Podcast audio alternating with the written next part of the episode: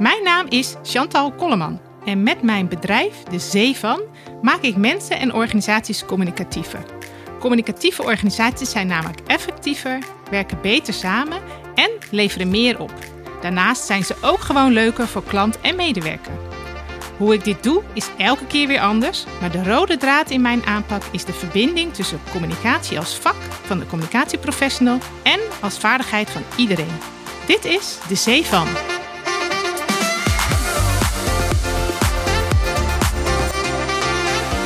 Vandaag ga ik in gesprek met Jim Krijkamp, communicatiematchmaker, over de verwachtingen van directie en management van communicatieprofessionals. Jim, welkom. Kun je je. wat over jezelf vertellen? Ja, ik, ehm, ik, vind, ik doe twee dingen. Ik vind ehm, eh, mensen voor bedrijven, communicatiemensen. Dat doe ik nu 30 jaar. Eh, ik heb wel een beetje een naam, denk ik, eh, in het vak wat dat betreft. En daarnaast help ik mensen op kruispunten in hun loopbaan. Mooi, En ik kom uit het communicatievak. Niet onbelangrijk. Ehm, ik zie dat steeds meer organisaties eh, het belang van communicatie inzien. Niet alleen rondom het coronavirus, eh, maar ook eh, om inderdaad als organisatie klantgerichter en omgevingsbewuster te werken. Hoe kijk jij daarnaar? Ja, ik zie vooral dat organisaties die onder druk staan, eerder communicatiemensen aannemen en naar zich toe trekken, wat meer aan communicatie gaan doen. Ehm, en verder zie ik de afgelopen jaren dat ehm, communicatieafdelingen kleiner worden. En dat betekent dat er andere eisen aan communicatiemensen worden gesteld. Je kunt dat eigenlijk vergelijken met eh, een elftal versus een basketbalteam. In een elftal heb je allemaal specialisten. Een keeper, een linksbuiten, spelverdeler. En die kun je niet zomaar uitwisselen. Terwijl in een basketbalteam heb je, eh, er zijn ben je met z'n vijf, heb je vijf aanvallers, vijf verdedigers, vijf spelverdelers. En die moeten voortdurend van rol wisselen. Nou, dus als communicatieafdelingen kleiner worden, dan heb je veelzijdiger mensen nodig. Ja, dus je zegt aan de ene kant eh, eh, zoeken mensen, of zoeken organisaties, eh communicatiemensen op het moment dat het moeilijker wordt. Dus als ze het zwaarder krijgen of dat ze het juist drukker krijgen. Eh, en aan de andere kant zie je de ontwikkeling die ik ook zie hoor, dat communicatieafdelingen kleiner worden, waardoor er uiteindelijk meer van ze gevraagd wordt, zowel in wat ze leveren, produceren, in de vaardigheden die ze aanbieden. Ja, er moet hetzelfde geleverd worden met minder mensen.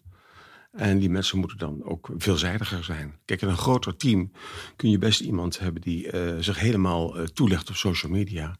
eh, of helemaal toelegt op alleen de media, zeg maar de pers. Maar in een kleinere organisatie zul je meer moeten, mensen moeten hebben die van alles wat kunnen.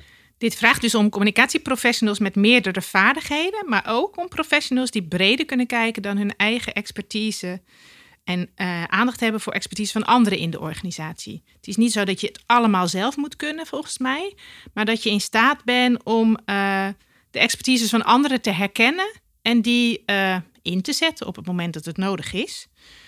En dat je je volgens mij inleeft in het onderwerp waar je aan werkt. Dus dat je in, niet meer, dat je ervan bewust bent dat je niet meer kunt wegkomen met ik ben adviseur, jij bent van de inhoud. Nee, jullie zijn samen aan de slag om het beste resultaat te behalen. Klopt, klopt helemaal. Eh, alleen kennis van communicatie is niet voldoende. De organisatie verlangt ook dat je de business begrijpt. Een bijvoorbeeld een communicatieprofessional die geen zicht op cijfers heeft, die bijvoorbeeld geen balans kan lezen, verliest zijn legitimiteit in de bestuurskamer. Ik ken een, eh, een andere situatie bij het eh, GVB, Gemeentelijk Vervoerbedrijf van Amsterdam, waar een communicatieadviseur zat die eigenlijk nog nooit in de remise was geweest. Maar wel de wereld eh, eh, voorzag van allerlei berichten over het type bedrijf. Maar in de remise dachten ze, nou, die mevrouw begrijpt er helemaal niks van. Die, die, die, die kent het hart van het bedrijf niet. Dus die had ook geen legitimiteit in de ogen van het eigen bedrijf, zeg maar. Ja, bizar. Als communicatieprofessional hoor je inderdaad met je voeten in de klei te staan. Dus je hoort te weten eh, over welk onderwerp je het hebt en wat zeg maar de impact is, zowel eh, op de afdeling waar je over adviseert of over het onderwerp eh, die het de mensen aangaat. Nou ben ik wel benieuwd. Uh, want als, als loopbaancoach of headhunter, of hoe je het ook wil noemen, heb je verschillende communicatiemensen tegenover je zitten. En uh, wat valt jou nou het meeste op bij de communicatieprofessionals die jou om hulp vragen? Nou, dat vind ik een moeilijke vraag wat het meest is. Daar valt me namelijk heel veel op. Maar iets wat, wat wel terugkomt is dat communicatiemensen dan de neiging hebben om bij mij te klagen dat hun baas hen niet begrijpt. De vraag die ik hen dan heel graag stel is, maar begrijp jij je baas wel? Heb je enig idee waarvan hij wakker ligt? Wat zijn zorg is?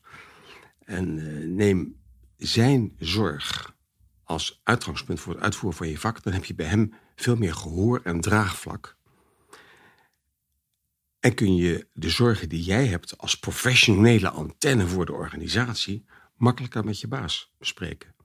Dus ken jij je baas, weet je waar hij van wakker ligt. Ja, ik herken, dit herken ik inderdaad bij heel veel communicatieprofessionals. Net zoals ik herken ook de hoor ook heel vaak de opmerking dat communicatieprofessionals vinden dat ze vaak te laat aan tafel zitten. Uh, dus dat ze op, laat, op het laatste moment gevraagd worden om een bijdrage te leveren. En die bijdrage zit hem dan vaak in de uitvoering. Uh, dit kan natuurlijk inderdaad het geval zijn. Ik bedoel, ik wil echt niet zeggen dat het uh, niet gebeurt. Maar het heeft ook vaak te maken met uh, hoe geïnteresseerd jij bent in de ander en in het onderwerp waar de ander mee bezig is.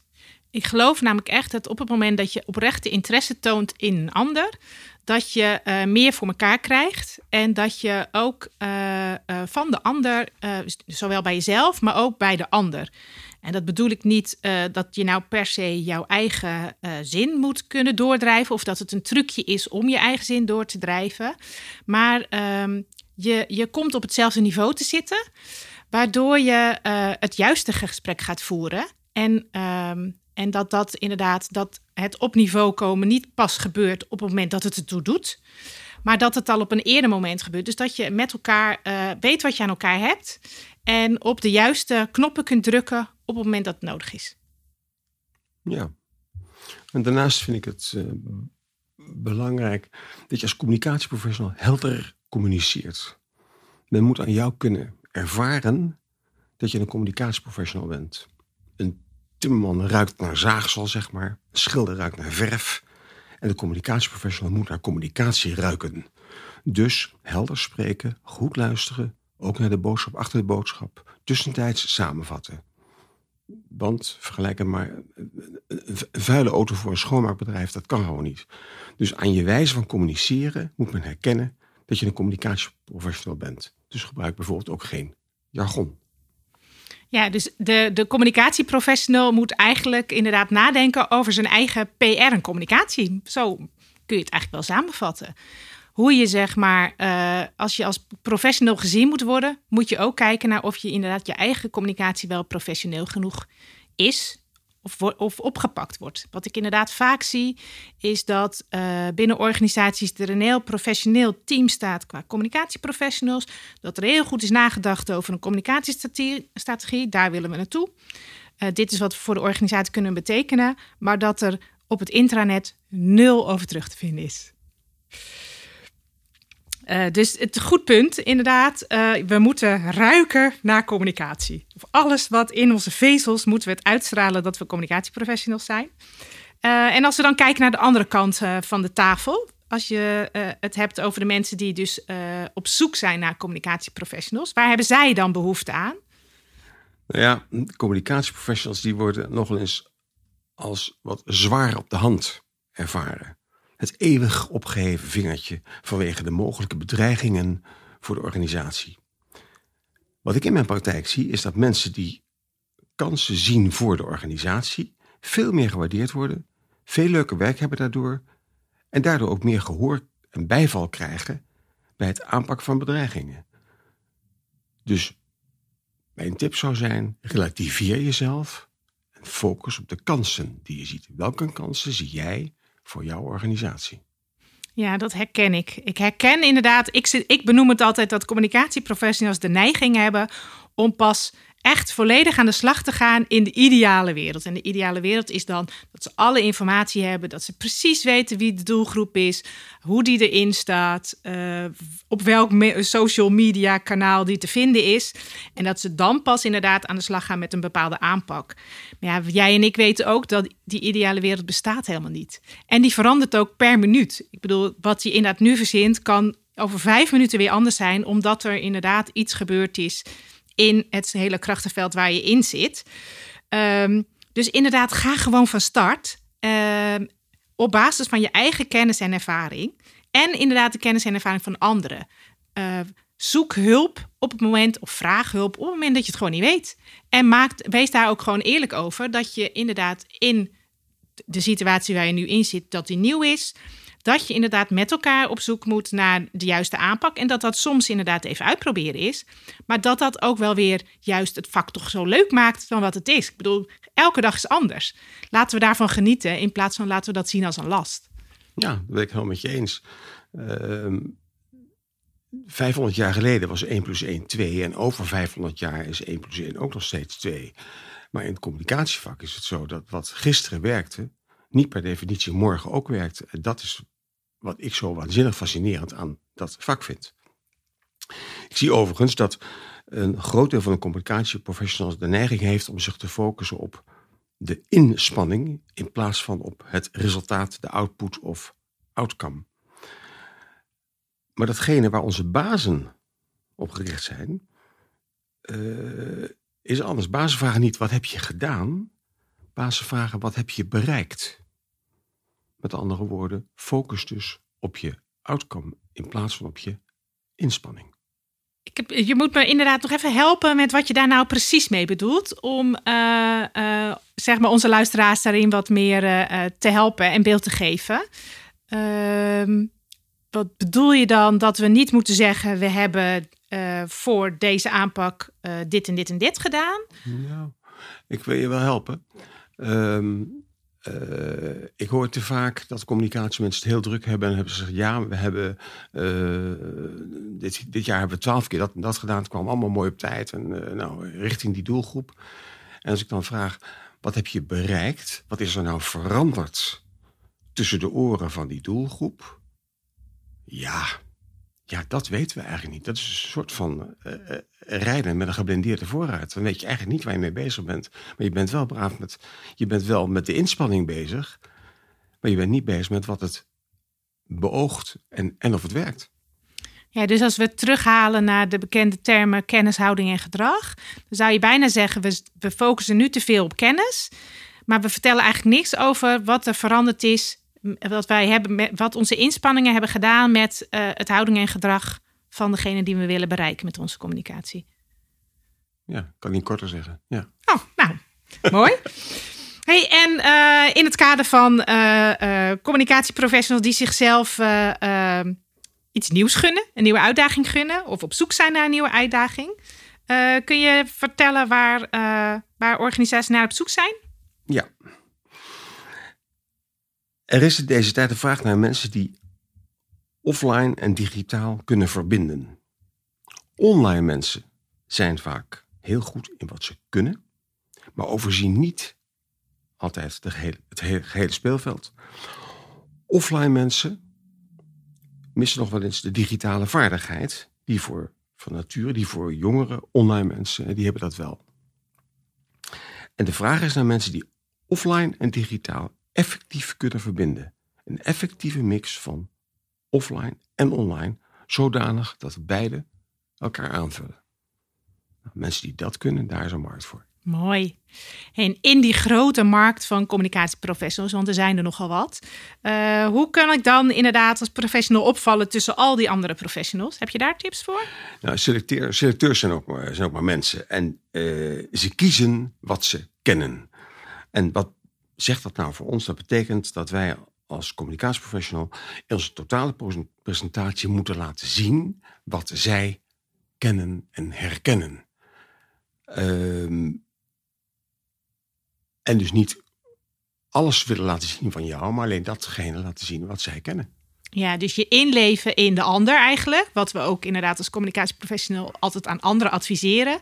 Moeten we zelf doen op het moment dat we ons, eh, nou, onszelf profileren of onszelf presenteren als mogelijke kandidaat. Ja, ik kan een voorbeeld geven.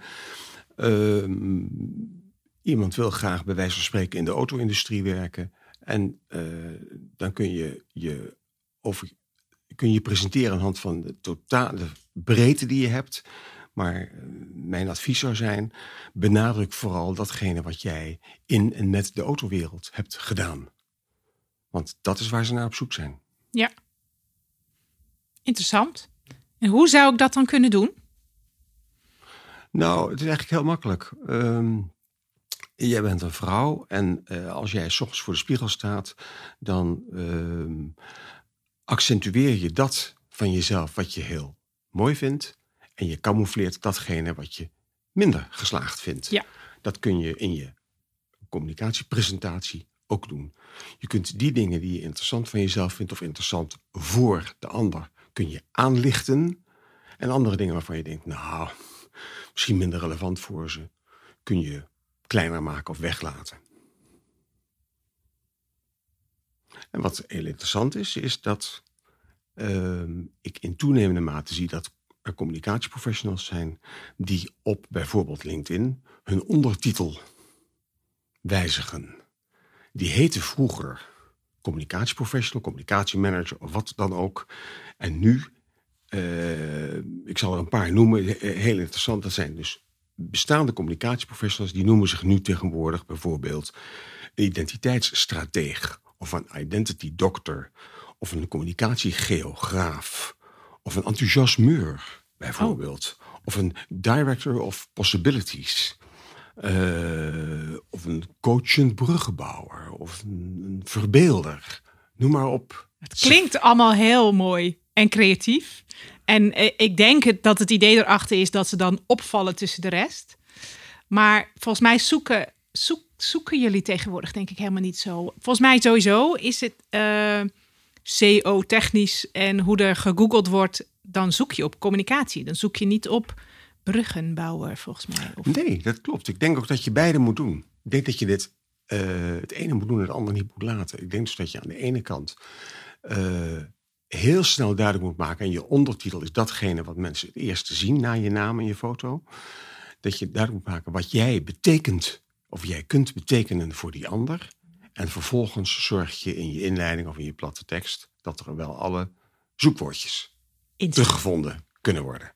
Maar dat je nadenkt over en dat je uitdraagt wat jij kunt betekenen voor de organisatie, dat is wel essentieel.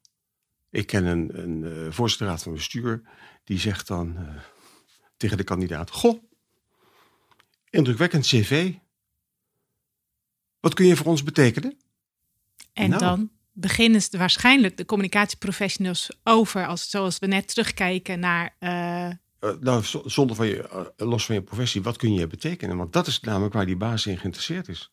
Wat kun jij betekenen? Als jij een weekje naar Duitsland gaat en je komt terug dan vraagt hij niet: wat heb je gedaan? Dan vraagt hij: wat heb je bereikt?